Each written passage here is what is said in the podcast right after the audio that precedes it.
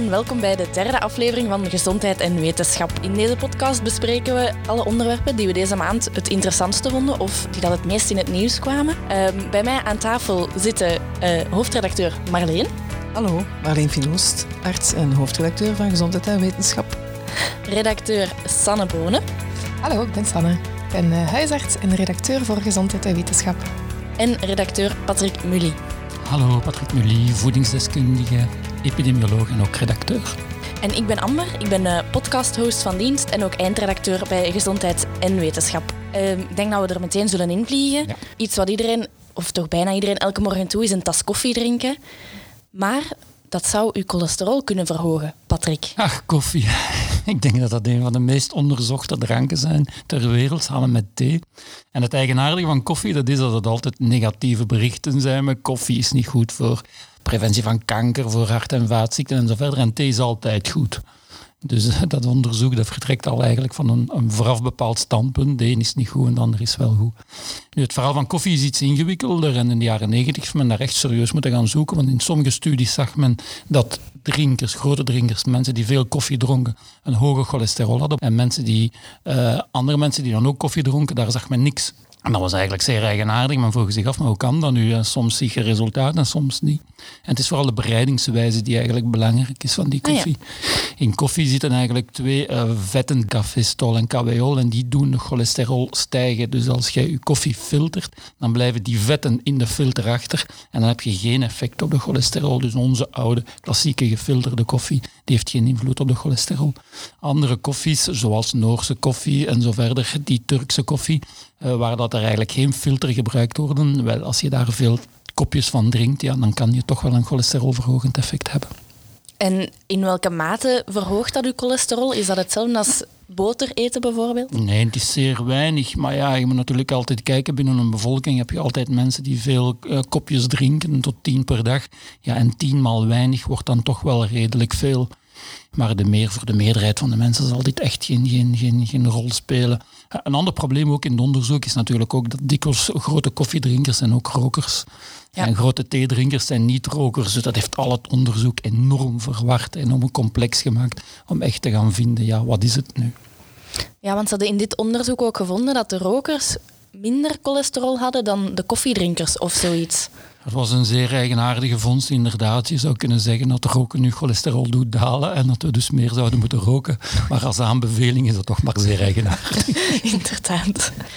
Um, in, in welke producten vinden we dat zo nog, cholesterol? Je gaat voedingscholesterol vooral vinden in bijvoorbeeld eieren. Het geel van het ei is zeer rijk aan voedingscholesterol en ook eh, de meeste dierlijke producten, dus vlees, charcuterie, kaas, kaassoorten en zo verder. Nu, men is daar een beetje van teruggekomen. Er zijn twee stoffen in de voeding die cholesterol doen stijgen. Dat is verzadigde vetten aan één kant, die je ook in dierlijke producten gaat vinden, en voedingscholesterol het effect van voedingscholesterol is eigenlijk toch niet zo groot of minder groot dan men dacht. Men heeft te snel gedacht van ja, cholesterol in het bloed is niet goed, dus cholesterol in de voeding is ook niet goed. Maar het lichaam neemt niet alles op. Een deel van de cholesterol in de voeding verdwijnt in de stoelgang. En uh, de meeste mensen die een te hoge cholesterol hebben, die nemen daar medicatie voor. Maar kan je eigenlijk ook zonder medicatie je cholesterol terug verlagen? Wel, het cholesterolverlagende effect van voeding en dan plantensterolen, dat is een soort nepcholesterol dat in bepaalde margarines aanwezig is. Wel, het cholesterolverlagende effect is beperkt tot maximum 10%. Dus bijvoorbeeld 220 zal 200 worden milligram per deciliter. Het zou eigenlijk 190 moeten zijn. Dus iemand die veel hoger zit, die zal toch naar zijn huisarts moeten gaan. Ja, en um, inderdaad, wat, wat vaak wordt gedacht van ja, cholesterol, hè, dat, is, dat is een ziekte, te hoge cholesterol. En mensen maken zich snel al zorgen van oei, oei, oei, mijn cholesterol is veel te hoog. Um, inderdaad, een goed gesprek met de huisarts kan dan veel verklaren, omdat ja, je moet cholesterol als een risicofactor zien. Um, een risicofactor voor hart- en vaatziekten en niet als een ziekte. En natuurlijk wordt er breder gekeken. Hè. Eh, het risico op hart- en vaatziekten wordt onder andere bepaald door rookgedrag, de bloeddruk, hoge bloeddruk, mensen die diabetes hebben, um, mensen die weinig bewegen. Um, dat heeft allemaal een invloed op het risico voor hart- en vaatziekten. Ja, want ik meen zelfs dat alleen uh, een geïsoleerde verhoogde cholesterol bij een voor de rest verder gezonde persoon moet niet behandeld worden. Moet niet behandeld worden. Wordt natuurlijk aangeraden om levensstijladviezen, um, de, de, levensstijl te veranderen. Um, gezonder eten, zoals Patrick daar straks zei, heeft dat dingen opgesomd. En bewegen. Bewegen is ook echt een hele belangrijke. Niet zozeer voor de totale cholesterol, maar uh, vooral voor je HDL-cholesterol. Dus de goede cholesterol te doen stijgen. En dan krijg je natuurlijk een betere verhoudingen. Cholesterol is, is niet enkel slecht. Um, je hebt ook cholesterol nodig voor bepaalde um, zaken in je lichaam op te bouwen. En je hebt dan de goede en de slechte cholesterol. En eigenlijk is die de verhouding tussen goede en slechte belangrijk. Dat is een beetje ook een nadeel van de marketing van bepaalde margarines die cholesterol doen dalen. Dat ze nogal focussen op die cholesterol alsof dat de grote boosdoener is. Mhm. Terwijl dat, dat absurd is. Ik zeg altijd aan de mensen, kijk, een marathonloper met een licht verhoogde cholesterol, dat is helemaal niet hetzelfde als iemand die de hele dag in zijn zetel zit met een mhm. Marlboro in zijn mond. Ja, inderdaad, absoluut. Ja, en als we het dan toch over roken hebben, um, we hebben ook deze maand geleerd dat uw longen zich opnieuw kunnen herstellen nadat je stopt met roken. Sanne, wat is daarvan aan? Ja, inderdaad, dat, uh, dat klopt. Hè. Um, dat is iets wat we eigenlijk al langer wisten, hè. Dat, uh, dat het nooit te laat is om te stoppen met roken. Natuurlijk, eh, de schade die opgelopen is in, in de longcellen, um, die is niet volledig omkeerbaar, maar uit dit onderzoek bleek dan toch dat het voor een deel, voor een groot toch ook wel weer wel zo was. Dat was, inder, ja, dat was inderdaad één onderzoek dat, uh, ja, dat, heel, dat heel veel en gretig gelezen is op gezondheid en wetenschap. Mhm. Dat is eigenlijk een positieve boodschap. Ja, Als je absoluut. stopt met roken, dan kunnen een deel van je longcellen zich herstellen naar normale longcellen. Dus de, de mutaties in de longcellen, de, de veranderingen in het DNA en het genetisch materiaal, dat veroorzaakt wordt door de roken, dat verdwijnt voor een stuk, normaliseert. Dus die cellen worden, zieke cellen worden voor een deel vervangen door gezonde cellen. Onrechtstreeks wisten we dat al een beetje, hè, want het, eigenlijk het risico op longkanker bij ex-rokers is veel lager dan bij mhm. rokers. Dus daar is iets in het lichaam dat mm zich toch herstelt. Voilà, en door die studie weten we nu een beetje wat, wat zich herstelt. Dat genetisch materiaal is voor een stuk mm hersteld. En maakt het dan uit hoe lang je al rookt of hoeveel je rookt per dag? Als je 20 sigaretten per dag, 20 jaar lang, heeft dat dan nog hetzelfde effect wanneer je stopt? Het, het, het, helend effect ziet men zelfs bij zeer zware rokers natuurlijk. Die moeten van veel verder terugkomen. Maar in die studie zag men dus ook dat bij die zeer zware rokers er toch een positief effect was. En dat was eigenlijk ook het besluit van de studie. Zelfs als je al jaren rookt en dat je soms denkt van ja, ik rook al zoveel jaar, het is om zeep. Nee, het is nog altijd de moeite van vandaag te stoppen. Mm ja, en niet alleen om eh, het risico op longkanker te verkleinen. Um, er zijn ook andere aandoeningen die door roken veroorzaakt worden. Ik denk aan uh, chronische longaandoening, COPD. Um, hart- en vaatziekten, um, waar dat roken ook een enorme boosdoener blaaskanker, is. Voor ja. blaaskanker, slokdarmkanker. Ja. Ja. Pancreaskanker ook, zegt men. Ja. ja dus er is een, eh, een, verband met, met vele andere aandoeningen. Dus je moet het zeker niet alleen doen om uh, longkanker te voorkomen. Ik denk dat we erover eens zijn dat roken het slechtste is wat je kan doen voor je gezondheid. Hè? Ja, dat denk ik ook. Ik denk, ja, iemand die rookt, dat zal toch wel de grootste prioriteit zijn, stoppen. En dan kan hem eventueel denken aan gezonde voeding en vermageren en bewegen, maar stoppen is absoluut. -hmm. Ja. Uh, en om longkanker te voorkomen of om op te sporen, hebben ze ook onlangs gezegd dat het misschien nuttig is om alle rokers uh, consequent te screenen op longkanker. Um, is het nuttig om alle rokers elk jaar opnieuw uh, te screenen? Nee, dat is niet nuttig, uh, omdat we gezien hebben uit onderzoek dat uiteindelijk de totale overleving niet verbetert. Uh, dus um, door, door rokers of ex-rokers te screenen op longkanker, ja, ga je misschien inderdaad daar hier en daar longkanker uithalen, maar het is niet geweten of dat, dat effectief... Um, ja. Longkanker heeft inderdaad een bijzonder slechte prognose. Hè? Blijft toch een ziekte die ja. de meerderheid van de mensen met longkanker overleeft geen vijf jaar. Ja, inderdaad, dat klopt. Ja. En inderdaad, ja, screening, um, je zou denken als dat in de media komt, screening is goed. Uh, uh, maar ja, screening uh, voor kanker is toch nog wel een moeilijk verhaal. In de zin dat het, het kan. Um, de bedoeling van screening is natuurlijk om, om een aandoening zoals kanker vroegtijdig op te sporen in een vroeg stadium, zodat de behandeling beter kan aanslaan en er een verbeterde overleving is. Maar screening heeft ook nadelen. Als we kijken naar borstkankerscreening, um, je gaat inderdaad uh, gevallen van borstkanker vroeg kunnen ontdekken. Maar je kan ook tussen het interval, um, als je gescreend bent op één moment, een jaar later, kan je toch nog een, eh, een agressieve vorm van borstkanker ontwikkelen. En die gaan we er met screening helaas niet uithalen. En wanneer is het dan wel nuttig? Bij welke kankers is het wel nuttig om je te laten screenen? Wel, eh, in België is er een eh, bevolkingsonderzoek naar borstkanker, naar baarmoederhalskanker en naar darmkanker. En ik denk, er is zeker nut van screening. Hè. Ehm, er zijn zekere voordelen. natuurlijk moet een, een, een onderzoek um, dat gebruikt wordt voor de screening moet een gemakkelijk onderzoek zijn. Um, bijvoorbeeld voor darmkankerscreening is dat het opvangen van een stoelgangstaaltje. Dat, dat is niet gevaarlijk. Um, voor baarmoederhalskanker is een uitstrijkje laten nemen is ook niet gevaarlijk. Uh, ja, ik kan daar van alles over vertellen, over screening. Um, ja, zoals bijvoorbeeld voor darmkanker zien we sinds dat het georganiseerd wordt in Vlaanderen, ik denk sinds 2014, krijgen mensen om de twee jaar in de doelgroep, dus mm -hmm. 50-plussers, een oproepbrief met daarin een borsteltje waarmee ze zelf een stoelgangstaaltje of, of in een stoelgang uh, een beetje stoelgang afnemen, in de omslag steken en opsturen. Dat is eigenlijk heel makkelijk. Je kan het thuis doen. Mm -hmm. Op die manier wordt er veel meer gescreend op darmkanker. Vroeger moest je met een stoelgangstaal naar de huisarts gaan en vragen van kijk, te kijken of dat er bloed in de stoelgang zit. Dat is de eerste stap in darmkankeronderzoek. Uh, en dat werd niet gedaan. Dat, mm -hmm. Omdat er een zekere schroom was om met een stoelgangstaal naar de huisarts te gaan. Mm -hmm. Nu dat men dat thuis krijgt toegestuurd, gaat de helft van de Vlamingen op, dat, op die vraag in. Mm -hmm. We zien het verschil met Wallonië bijvoorbeeld, waar maar 10% van de mensen deelneemt aan de screening voor darmkanker, omdat men nog altijd die test moet gaan halen bij de apotheker. En dat is weer een drempel. Dus in Vlaanderen heeft men het echt wel beter, denk ik, georganiseerd. Alleen het effect is groter.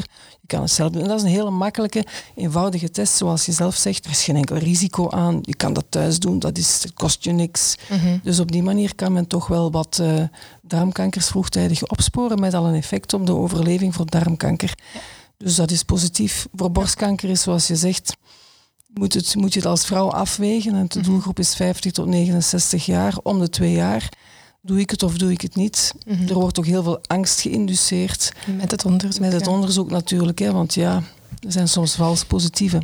Ja, dat is het groot probleem. Alles hangt een beetje vanaf hoe sterk en krachtig die screeningstesten zijn. Hè. Als die 100% een kanker kunnen ontdekken en geen valse uh, gevaren of vals idee geven dat er kanker aanwezig is terwijl het er niet aanwezig is, mm -hmm. dan is dat natuurlijk een perfecte test. Maar perfecte testen bestaan niet. Al die nee. testen hebben ook nadelen en die kunnen nog veel leed en stress en uh, ellende veroorzaken. Ja, ja. absoluut. Ja. Daarmee is een, een, een, goed gesprek met de huisarts. Uh, als je vragen hebt over screening en je weet het niet goed, moet ik nu meedoen, ja of nee? Ja. Ga zeker bij je huisarts langs. Of kijk op onze website. we hebben ook richtlijnen over screening, over kankerscreening in het algemeen. Um, waar dat je aan moet denken, de voor- en de nadelen. En ook over borstkanker, over dikke darmkanker en baarmoederhalskanker hebben we ook richtlijnen. Dus daar kan je zeker te raden gaan um, als je meer informatie wenst. Dan weten we dat ook alweer. En dan gaan we nu over naar het meest besproken onderwerp van 2020, denk ik. Uh, het wordt in elk gezin sowieso wel besproken en iedereen heeft er schrik van. Het coronavirus. Corona, ik dacht het wel. we hadden het er vorige maand ook al over, maar sindsdien komt het steeds dichter en dichter. Um, Marleen, hoe ernstig is dit virus? Het wordt in, in, elk geval, in elk geval uh, enorm uh, opgeblazen. Het idee dat het een, een zeer ernstig virus is. Coronavirus is niet zo'n ernstig virus. Het probleem is dat men het gedrag nog niet goed kent. Dus we hebben een coronavirus gehad in China in het najaar van, van vorig jaar, 2019. Uh, dat met al die draconische quarantainemaatregelen is het toch verspreid ook naar Europa. Um, dat, ja, dat, is, dat ziet er allemaal redelijk drastisch uit. Dat, maakt, dat, dat is eigenlijk, creëert wel wat angst. Het is ook voortdurend breaking news. Het is niet weg te branden inderdaad uit de media. Maar eigenlijk 98% van de mensen die corona een coronabesmetting zou oplopen, geneest daarvan. Dat weet men uit de eerste meer dan 70.000 Chinezen die men opgevolgd heeft. Want ook dat is men allemaal moeten gaan bekijken. Hoe gevaarlijk is dit? Vandaag weten we 98% geneest. Die 2% mensen die ernstig ziek worden en overlijden, dat, is, uh, dat zijn bijna steeds oudere mensen en mensen met een verzwakte weerstand. Dus um, het is eigenlijk een, een niet zo'n gevaarlijk virus. SARS van uh, een tiental jaar geleden was bijvoorbeeld gevaarlijker. Maar het feit dat het dichterbij komt en die quarantainemaatregelen, ja, mensen vragen zich af, is dat allemaal wel nodig? Ja, ik denk het wel, om de zwakken in onze samenleving te beschermen. je het coronavirus, Marleen? Nee, dat is gewoon griep. Wat er, griep is niet hip. Ja, ik moet zeggen, inderdaad, ik heb uh, sinds uh, vorige week een bronchitis en ik hoest regelmatig en ik zie mensen op straat naar mij kijken van, oh nee. Goed. Maar niet naar China geweest de laatste tijd? Nee, ik heb zelf gisteren, ik zat toevallig met een Aziatische studenten in de lift en ik had een hoestbui en ik zei, ik zei tegen haar, zei, ik ben niet in China geweest. Ze zei, ik wel. Goed. Uh, nee, het is op zich niet zo'n uh, ernstige infectie, maar die maatregelen, die, die quarantainemaatregelen zijn wel nodig, gewoon om de ouderen en de zwakkeren in de samenleving te beschermen. Vergeet niet dat wij zeer veel, een grote groep oudere mensen hebben in Europa, dus we moeten ze beschermen en daar moeten we zeer, zeker zeer solidair in zijn. Dus ik vind het wel goed dat dat gebeurt. Dat is eigenlijk dezelfde bevolking die moet beschermd worden tegen de griep. Inderdaad. Het, zijn, het is dezelfde bevolking die moet beschermd worden tegen griep voor griep hebben we wel een griepvaccin. Dat griepvaccin, dat, dat werkt, hebben we ook gehad, hè? ook op uh, gezondheid en wetenschap. De controverse rond de griepvaccinatie. Iemand in, die in een krant beweerde van dat griepvaccin eigenlijk niet nodig is. Een arts, dat is dan jammer dat zo iemand dat zegt. Het is inderdaad geen topvaccin, er zijn er betere, maar het beschermt toch wel uh, ouderen en kwetsbare mensen tegen griep en dat is wel aangetoond in de oudere bevolking krijgt normaal 6 op de 100 mensen een griep, gemiddeld hè, over uh, verschillende griepseizoenen heen. En wanneer ze gevaccineerd zijn, 3 op de 100. Dus het risico wordt gehalveerd. Dus dat, is, dat moeten we, dat moeten we meenemen, die preventieve maatregelen. Hebben we nog niet voor corona, maar er zijn wel vaccins in de maak. Hoe denk je dat die coronavirus nu gaat evolueren? Ik, er is, komt er vaccinatie of komt er... Ongetwijfeld, er is een wedloop bezig uh, voor een vaccin. Ik had een uh, corona-expert aan de lijn in, deze, in de loop van de week en ze zei het zal waarschijnlijk evolueren naar zoiets als griep. Iets dat uh, seizoensgebonden is, vermoeden ze nu. En waartegen zal gevaccineerd moeten worden, is een van de pistes die men nu bedenkt. Maar we weten dan het fijne, het fijne nog niet van. En dan het artikel dat het het meest werd gelezen van al onze artikels deze maand. Mondmaskers, beschermt dat tegen het coronavirus? Daar zijn ze weer, de mondmaskers. En ik heb uh, nog reclame in mijn, daarnet gezien in mijn mailbox van firma's die op commercieel botweg op de kar springen en mondmaskers verkopen. Bescherm uw familie tegen uh, corona en koop een mondmasker. Ik Erg. Heb, ik heb spijt dat ik geen aandelen gekocht heb van die firma's, want het zijn de enige aandelen die in uh, een negatieve beurs serieus aan het stijgen zijn omwille van die omzet. Dus ik denk dat je beter je handen wast. Dat dat efficiënter is dan. Mm, dat is zeker zo. Het is onwaarschijnlijk. Dat is een, een nadelig effect van de corona-hype, zal ik maar zeggen. Dat het zoveel in de media gebracht wordt dat mensen massaal mondmaskers gaan dragen. Erg, want de mensen die het nodig hebben, thuisverpleegkundigen, artsen in ziekenhuizen, daar zijn mondmaskers nodig om zich te beschermen tijdens een, een, een ingreep. Uh, maar niet voor de mensen op straat. Het heeft geen enkele zin dat je op, op straat rondloopt met een mondmasker. Als je stel dat je uh, iemand zou passeren met corona, de kans dat je besmet wordt door zo iemand gewoon voorbij te lopen is quasi nul. Mm -hmm. Hoe kan je dan wel besmet worden? Met uh, hoesten en niezen. Van als je in de, in de, stel dat je uh, op de trein zit naast iemand met corona en die hoest en die niest en die puft, ja, dan, dan bestaat de kans dat je ook besmet geraakt. Dus in contact komen met uh, uh, druppeltjes, speekseldruppeltjes die rondvliegen wanneer mensen hoesten en niezen en zelf besmet zijn. Dat is de manier waarop het virus wordt overgedragen. Hm. Over treinen gesproken, we hadden een lezer die op Facebook vroeg: kan de airco van de trein het virus verspreiden? Ik heb die vraag ook gezien. Hm. Ik denk als iemand rechtstreeks in de airco gaat hoesten, wel als die speekseldruppels daarin terechtkomen, vermoed ik theoretisch wel. Ja. Maar ja, oh, ik denk uh, in realiteit zal die kans toch wel heel klein zijn. Ik dacht dat ik gelezen had dat een virus een halve dag buiten het lichaam kan overleven. Ik had één minuut gelezen. Eén minuut. Maar ik, ik, ik weet dat dat van virus tot virus afhangt. Ik denk dat dat, ja. ja, ja en, uh... en van een coronavirus is wel al aangetoond ook dat het op oppervlakte een, uh, tijdje kan overleven. Een tijdje zijn waarschijnlijk enkele uren, een halve dag. Dus deurklinken en zo verder. Dus die maatregel van je handen regelmatig wassen is veruit de belangrijkste maatregel die, kan je nemen, die je kan nemen om jezelf te beschermen tegen besmetting. En ik koop aandelen van een bedrijf dat zeeproducten maakt. en investeer het dan in gezondheid en wetenschap. Oké, maar, maar dus stel ik wil toch graag een mondmasker dragen. Hoe moet ik dat dan dragen om te zorgen dat het effectief is? Om je, die mond, mondmaskers die enige efficiëntie hebben, dat zijn dan die harde mondmaskers, harde soort plastic, denk ik, uh, die ook goed uh, aanpassen op je gezicht. Dus het moet goed rond je neus passen. Even het masker afnemen om je gsm te beantwoorden, dat, dat is bijvoorbeeld, dat, gaat, dat, dat moet je niet doen, want dan, dan ben je niet meer beschermd.